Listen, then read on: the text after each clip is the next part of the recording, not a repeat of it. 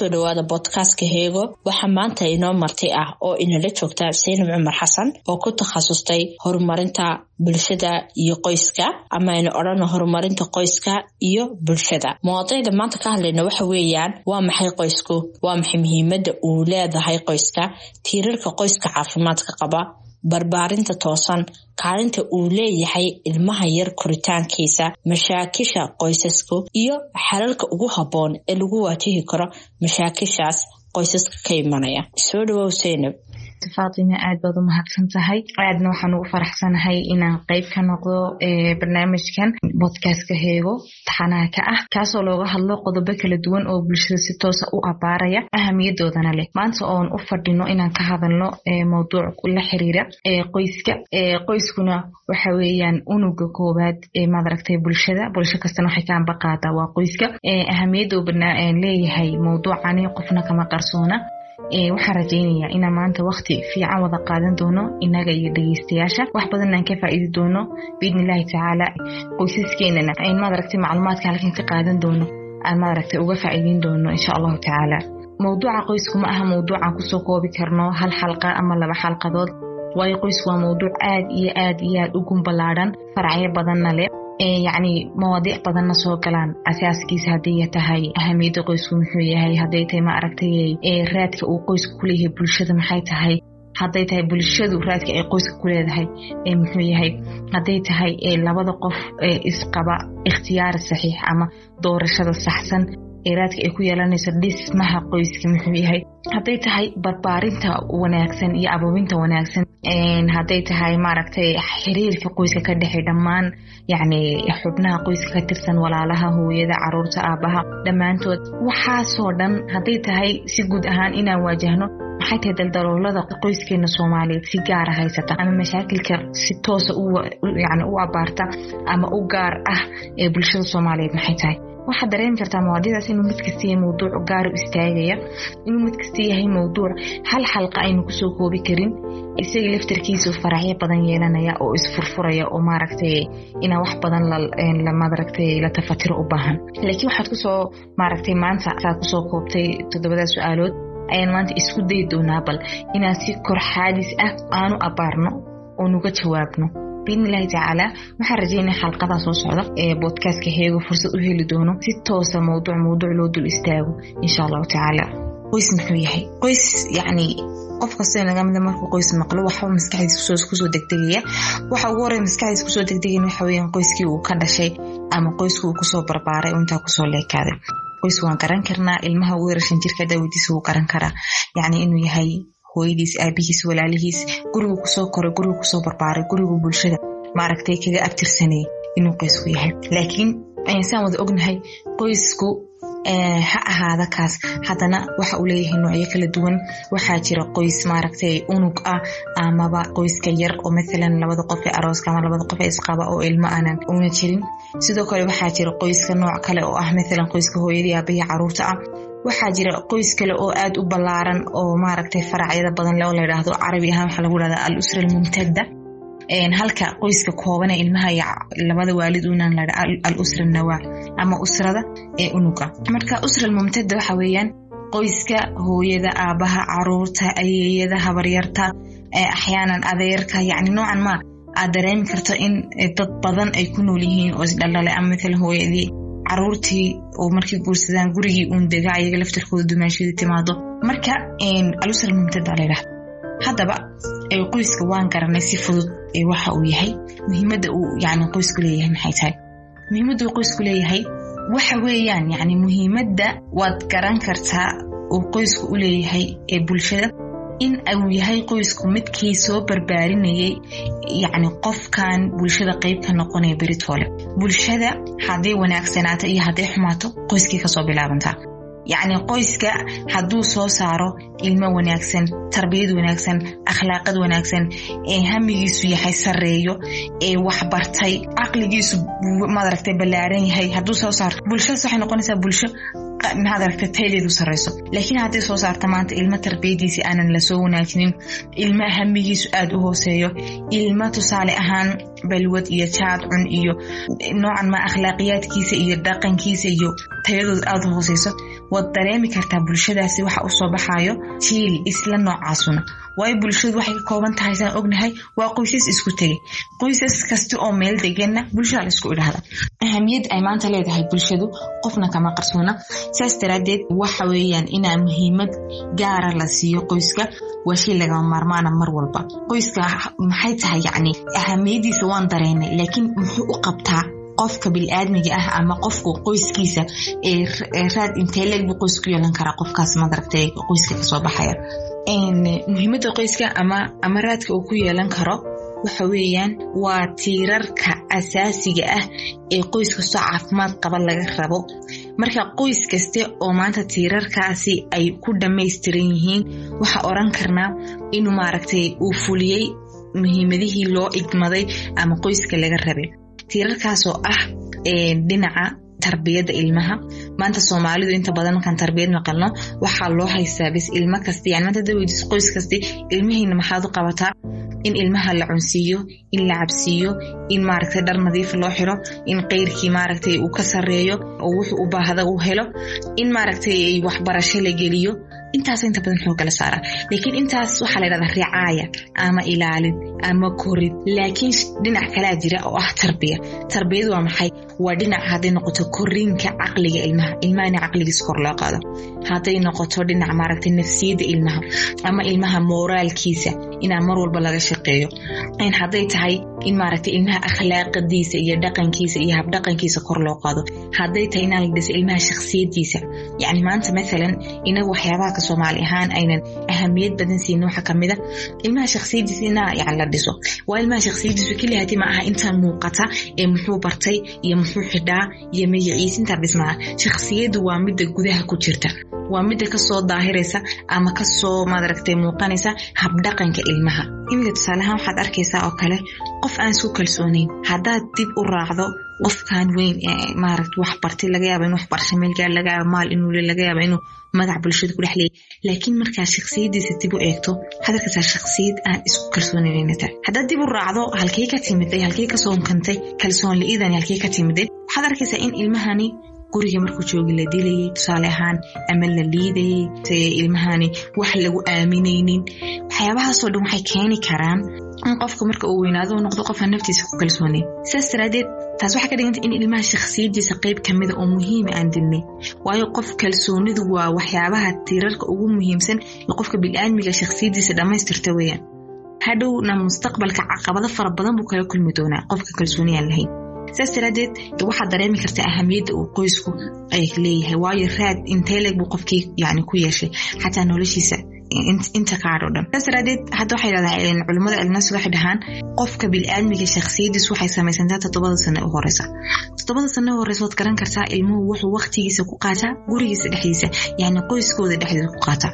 Saas daraadeed maanta qoyskeena soomaaliyeed ama qoyska muslimka ama qoys walba laga rabo in yacni aynan xooga saarin kelihatay in ilmaha cuniyaan cunsiiyaan cabsiiyaan seexiyaan waxbaraan.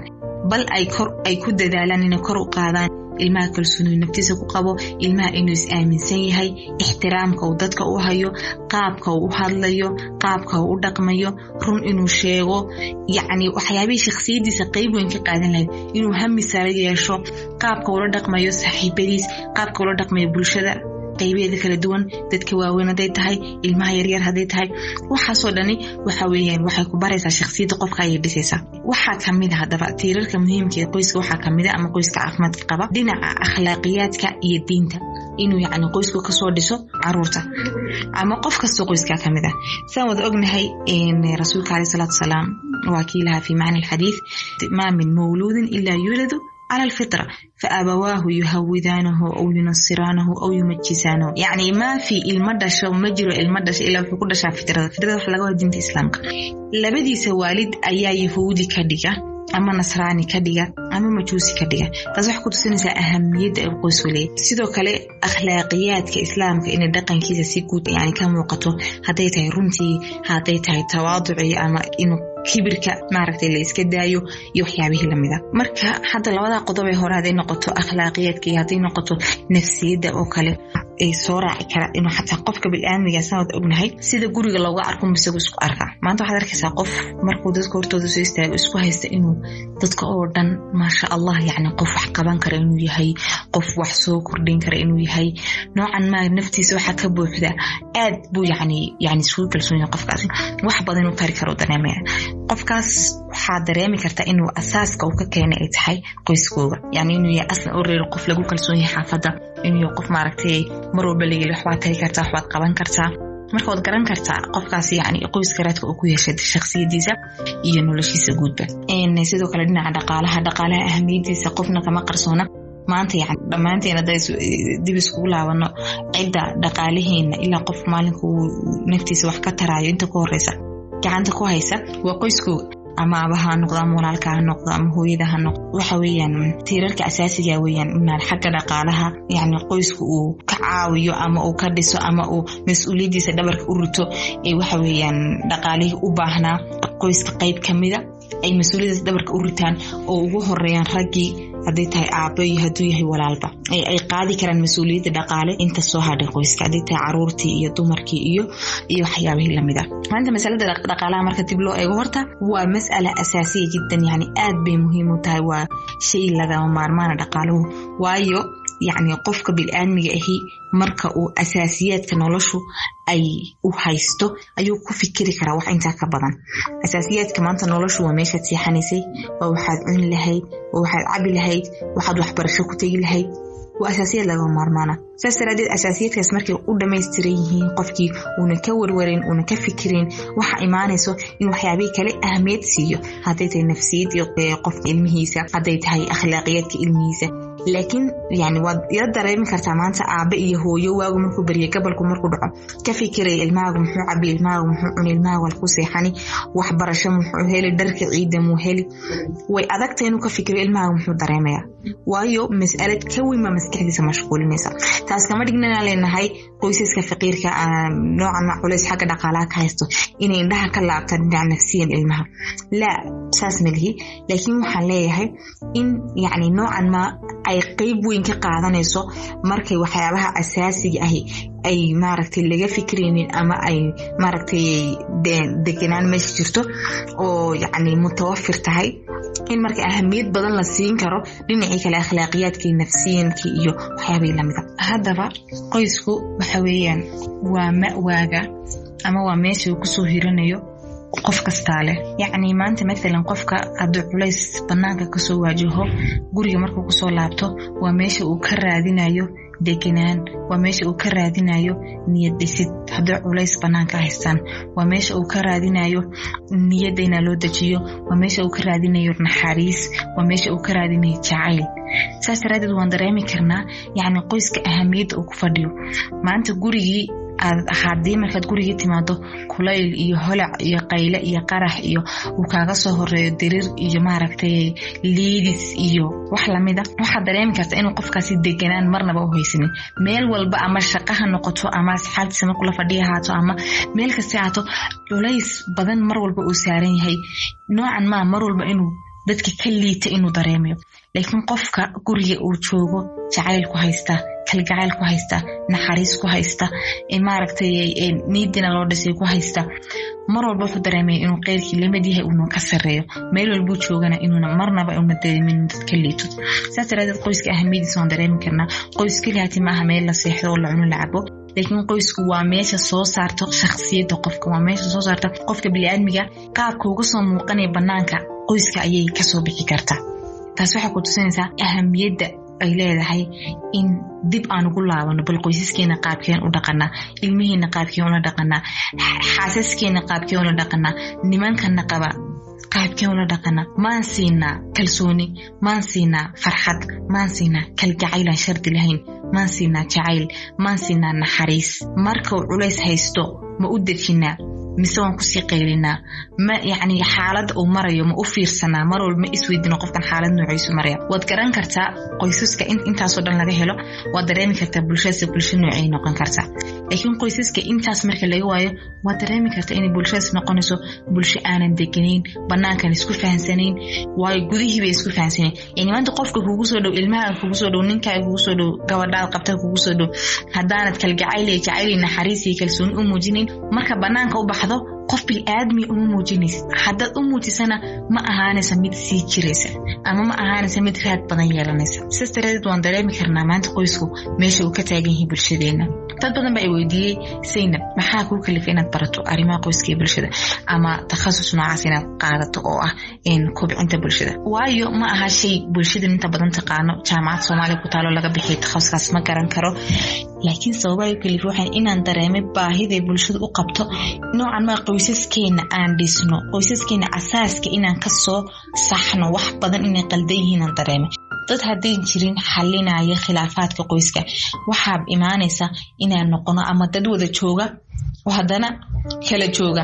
Yani dad meel ku wada nool laakiin waxaa isku keenaysa wax maadiya iyo waxaa isku keenaysa ay bas cunuu caboo seexo aynan dad qalbi inan isku xirin inaan noqono. Dad yacni ama inuu furinka bato. Labadaas mushkilaba waa laba mushkilo oo kala yani kala badan kala weyn. Marka waxay carabtu dhahaan midna dalaaqa alcaatifi bay dhahaan ama tafakuk alusari midna waa dalaaqa caadiga yani furiinka xagga catifada iyo dareenka dad yani ku wada jooga waxaa maadiya oo qulubtoodii kala tegsan tahay ama tafakuk alusari furfuranka guriga inay guryigii uu noqdo guri yani waxa isku xidayaaba aynan qoysnimo ahayn waxa isku xidayaaba ay tahay dan yani waa culays run ahaantii marka loo fiirsa bulshadeena soomaaliyeed aad iyo aad yani ugu badan sinab ma og tahay inay jirto reero danyar ah laakiin caruurtooda ixtiraamka aad la yaabisid aad la yaabtid macnawiyan siday u dhisan yihiin.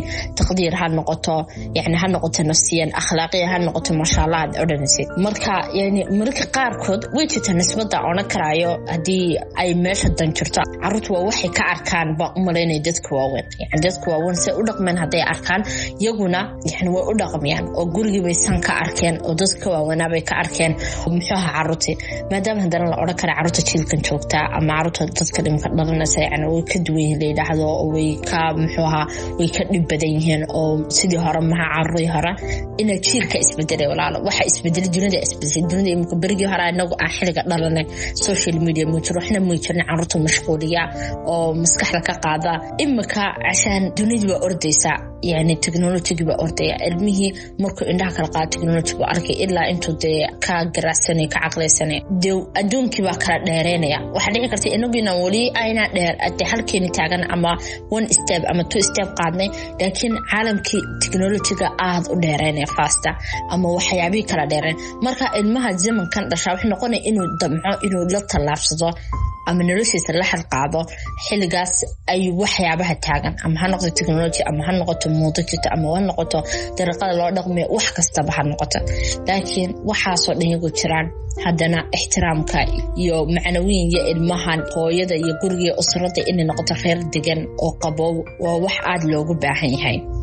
Aad iyo aad faadimo kama dhigna hadalkayga waxaan ku hormariyey inayna ka dhigniin qoys kasta oo dhaqaalo fiican haysta inay ilmo tarbiyad fiican soo saarayaan. Qoys kasta oo faqiirana inay ilmad yani tarbiyadda ilmaha ku adkaanaysa ama inay nafsiyaadka ilmaha saxaan ama shaksiyadiisa ina dhisaan abadan yani hadalkaygu marnaba saas kama dhigna.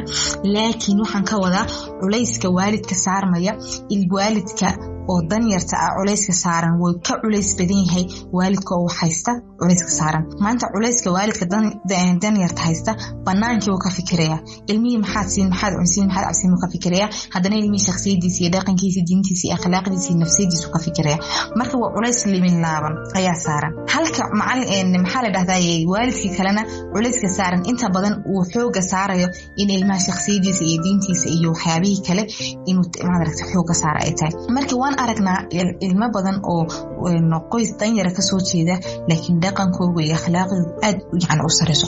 Bal mararka qaarkood marar badan waxaan aragnaa in yani ilmaha qoys danyara ka soo baxa shaksiyadiisu ka adag tahay oo shaksiyadiisu qawiya tahay oo ka caqli badan yahay ilmaha oo qoys maaragtay ka soo baxa ee dhaqaalahays waayo ilmahani dan buu soo arkay maskaxdiisa uu dhaqaatiy yani waxaa layhahdaa alxaajatu umul baahida weeyaan yani baahida ayaa hooyada ikhtiraca marka taas waxay ka dhigan tahay in yani baahidu markay jirto qofka maskaxdiisa yani uu ka shaqaysiinayo.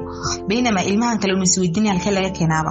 Halka kan faqiirkan isweydiinayo laga yaaba isagoo iskuul dhigtay inuu gelina shaqeeyo gelina uu waxbarto laga yaaba isagoo jaamacad dhigtay inuu gelina shaqeeyo gelina waxbarto laga yaaba inuu isagu maskaxdiisa shaqooyin kala duwan uuna aragba yani u abuuro uu sameeyo. Marka waad garan kartaa yani noocan maa in qeyb kamida shaksiyadiisa ay dhisayso danta uu ku jiro ama xaalada uu ku jiro. Haddaba fiirsa dadka ugu badan ee caalamkan hadda maaliyad yani lacagta gacanta ku haya asal ahaanta dib ugu laabata dad waxay ahayn yani faqri iyo ka soo jeeda maxaa layidhahdaa danyar reero danyar ka soo jeeda. Maanta markaad arkayso ilmo waalidkii caayaya ilmo waalidkii ixtiraamayn ilmo waalidkii dhegaysanayn ha u malaynin inuu yani waxaan ilmaha iska yimiday un ilmuhu waa cajalad waxbuu duubayaa waa sida warqad cad. Aduu kuu fiirsanaya intaasoo sannadood. Hadhow toole qaab ayuu kala soo dhexbaxaya inuu dhaqmo. Ilmaha dhaqan kasta oo ka soo fula waalidka ayaa asaas u ah ama biicaduu ku noolyahay iyo deegaanka u noolyahay ayaa asaas u ah. Saas daraadeed maanta markuu arko hooyadii oo aabihii ixtiraamayn beri ilmuhu hooyada ma ixtiraamay aabahana ma ixtiraamayn markuu arko aabihii oo hooyadii la diriraya ama caaya ama dilaya ilmihii beritoole asagana intaa in leg baa ka soo fulaysa ama walaalihiiska yarar ha ku sameeyo ama waalidkiisba ha ku sameeye saas daraadeed ixtiraam la'aanku waa culeyska ugu badan ama dhibka ugu badan ee bulshooyinkeena soomaaliyeed ee waalidiinteena iyo ilmiheenaba haysata weyn inaa la is ixtiraama waa asaasa kulla shay ama waa asaaska. Dad badanba waxay isweydiiyaan jacaylka iyo ixtiraamka horreeya jacaylka iyo ixtiraamka ixtiraamka horreeya jacayl bilaa ixtiraama qiimo ma leh laakiin ixtiraamku xataa haduun jacayl la soconin ixtiraam yani qiimo weyn buu ku fadhiya ixtiraamku waa midka xadidaya qaabka aniga aniga aad ila dhaqmayso ixtiraamku waa midka xadidaya qaabka aniga la ila dhaqmayo inaad ixtiraamka nolosheena shay asaasiya ahaado waa wax lagama maarmaana hadday tahay waalidkeen asaas ama muhiim uu yahayba waalidkeenaan ixtiraamno waajib uu yahay. Hadday tahay walaaliheen hadday tahay cidda aan iskuulka la dhigano oo ardayda ah hadday tahay cidda aan suuqa kula kulanno meesha aan shaqada ka shaqaynayno. Ixtiraamku waa shay waajib ah muqadas ah waana xalka ugu horey waxaan dhihi karnaa inaan ixtiraamka muhiimadiisa dareeno is ixtiraamna nolosheena aan ka dhigno xataa waqtiga uu khilaaf jiro xataa waqtiga la is khilaafay ama lakala aragti duwan yahay inaan maaragtay aan ixtiraamka ka dhigno mid asaasiya oo lagama maarmaana xagga kale tarbiyadda waxaa la yidhaahdaa marxalad kasta markaad u gudbayso. Yacni intaanad u gudbin ka hor ayaa maaragtay dhexda loosii xidhaa oo loosii diyaar garooba. Oo maaragtay la isku sii dhisaa. Yacni maxay ka dhigan tahay tusaale ahaan imka marxalad guur baad galaysaa maalinkaad guur gasho keliyaati maalinkaad guur gasho un lama idhaahdo qaabkii loo dhaqmaa marka reer leeyahay. Laakiin ka hor intaanad gelin sanad ka hor laba sano ka hor inaad wax sii akhrido wax sii weydiiso khibradaada kor u qaado dowraad sii gasho ayaa waxay qeyb ka noqonaysa in guurkaaga si saxaad u asaasto. Sidoo kale maalinkaad hooyo noqoto laisma weydiya ilmaha qaabkii loo tarbeedaya intaanad hooyo noqon ka hor ayaa kutubta hooyo la akhriyaa barbaarinta. Ilmaha kul marxaladu marayo hadday tahay dowraadka la xaadiraa hadday tahay hooyooyinka la dhegeystaa hadday tahay muxaadaraadkii barnaamijyada tarbawiinta lala xiriira intaanad marxalada gelin ka hor baa lagasii maaragtay yani lagasii xarka xidhaa oo maaragtay lagasii diyaar garooba. Ma fahantay iminka waxaa jira masalan ilmo waxaad arkaysaa muraahiqa hooyadii way fahmi waysaa qaabkii ula dhaqmaysa muraahiqa.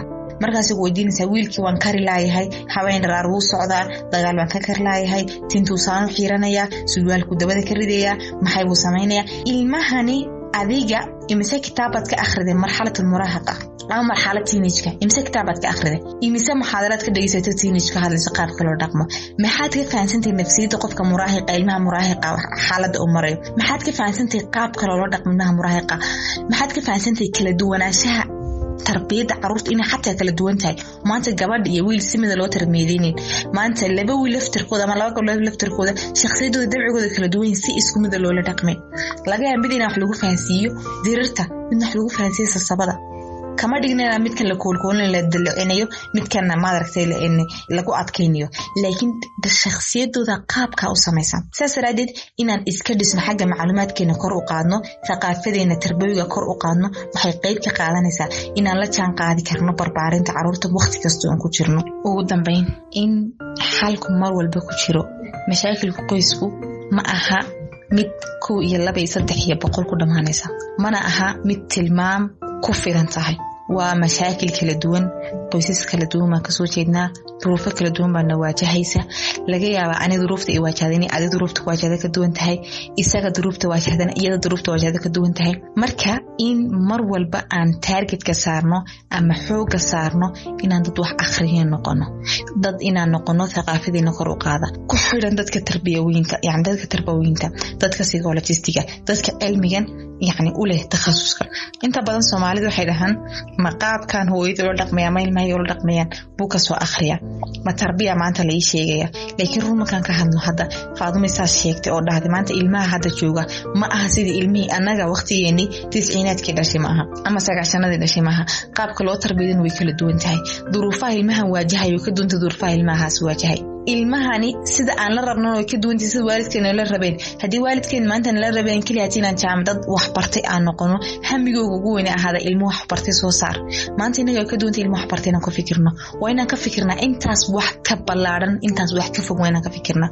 Waayo maanta fursadahaan haysano may haysanin waalidkeen may haysanin hooyooyinkeen. Saas daraadeed inaan la jaan qaadno fursadaha haysano ayay tahay. Yacni carabta waxay dhahaan yani yajibu inaan u bedelno almixnata minxa ama culayska inaan fursad aan u bedelnaa loo baahan yahay maanta culaysaadkaas hadday internet tahay haddii caalamka isku furanta hadday social media tahay inaan u bedelno fursad oo ah inaa ilmaheenu maanta noqdo ilmo caalamka raad ku yeelan kara ilmo isbeddel keeni kara ilmo ikhtirac samayn kara oo wax ikhtishaafi kara. Ilmo caqligiisa aad loo koriyay inuu ahaan karo. Sidaas daraadeed taasna waxaan ku keeni karnaa inaan ku xidhnaano ahlu takhasus inaan ku xidhnaano kutubta inaan ku xidhnaano thaqaafada inaan kor qaadno taas waxay qayb weyn ka noqonaysaa inaan qoysaskeena qaabka ula fahmi lahaa ula dhaqmina inaan fahno aad baan ugu faraxsanay maanta inaan xalqadan qayb ka noqday macluumaadkaas kooban la wadaagay waxaan rajeynaya fursado ka badan inaan heli doono oon ku wadaagno macluumaad intaas in ka ballaaran insha allahu tacaala